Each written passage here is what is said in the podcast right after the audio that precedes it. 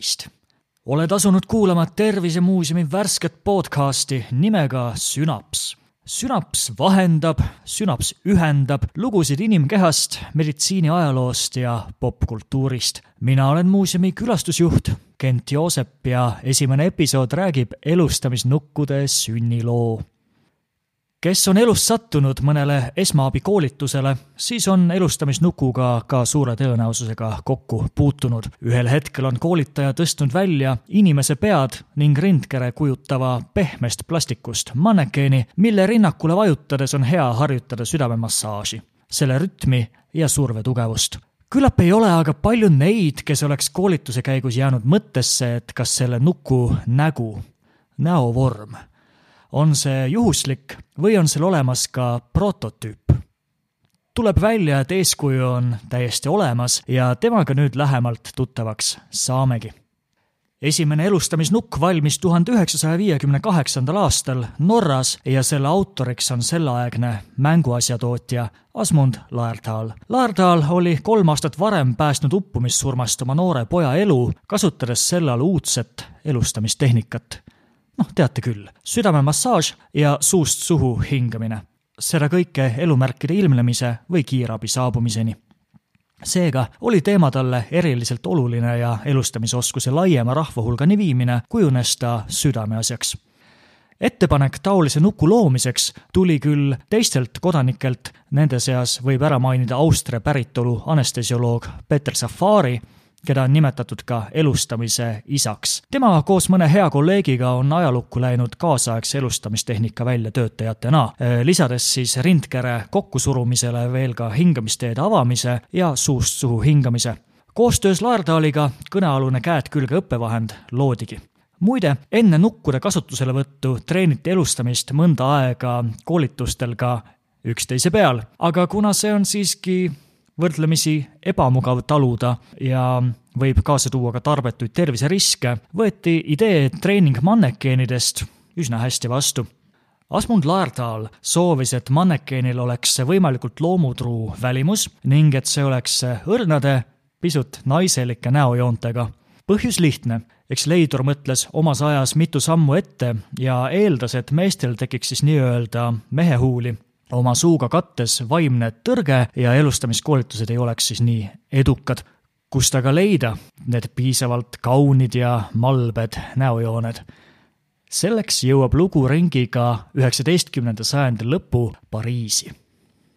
üheksateistkümnenda ja kahekümnenda sajandi vahetuse populaarkultuuris, ma pean eeskätt silmas kujutavat kunsti ja kirjandust, levis motiiv nimega L'Inconnu de la Seine prantsuse keele valdaja, andke minu hääldus palun andeks. Eesti keeles kõlaks see nõnda umbes nagu Sääni tundmatu naine või tundmatu naine Sääni jõest. see kujund sai alguse tuhande kaheksasaja kaheksakümnendate aastate lõpul, kui väidetavalt tõmmati Sääni jõest välja ühe kindla tundmatu noore naise elutu keha. kuna surnukehal puudusid vägivalla tunnused, kahtlustati enesetappu legend räägib, et Pariisi surnukambris jäi sealsele patoloogile silma neiu erakordne ilu ning selle jäädvustamiseks otsustas ta võtta surimaski, et seda sel moel igavesti säilitada.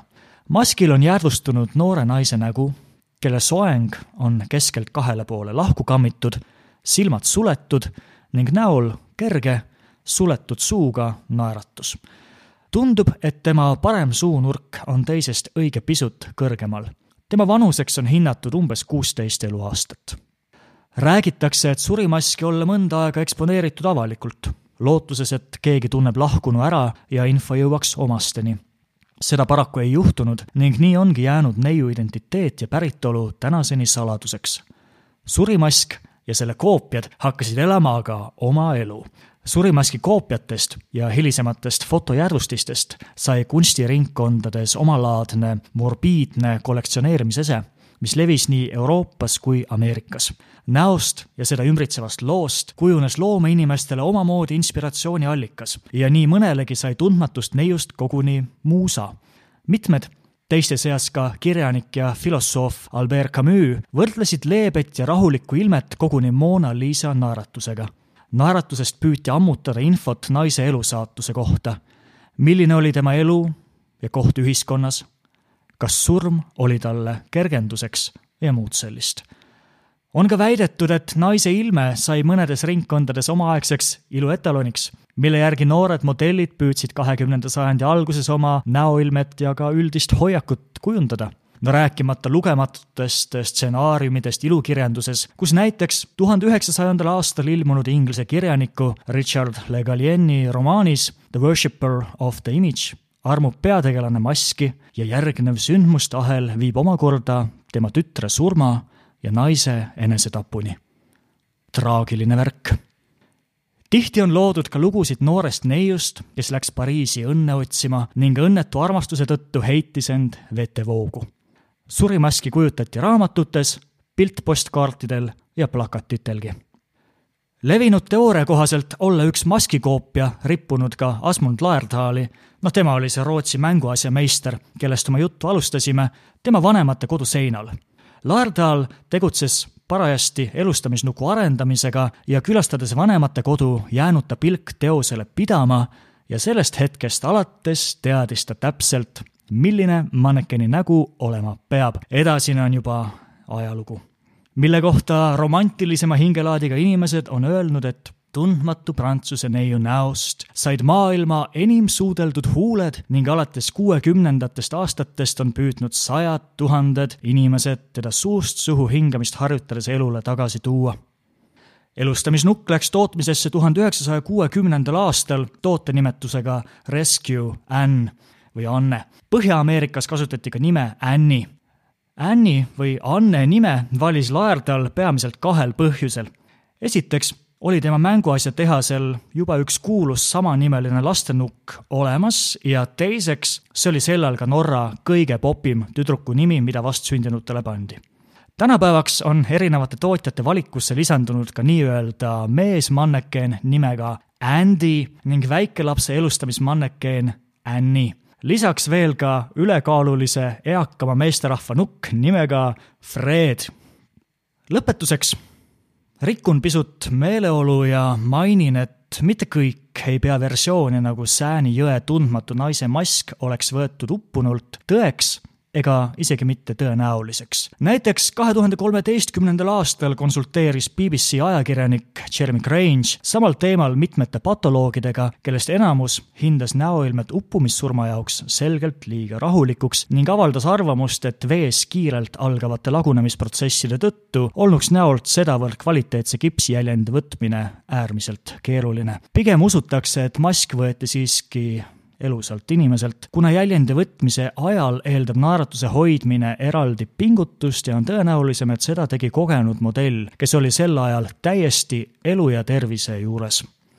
kes oli kuulsa maski prototüübiks?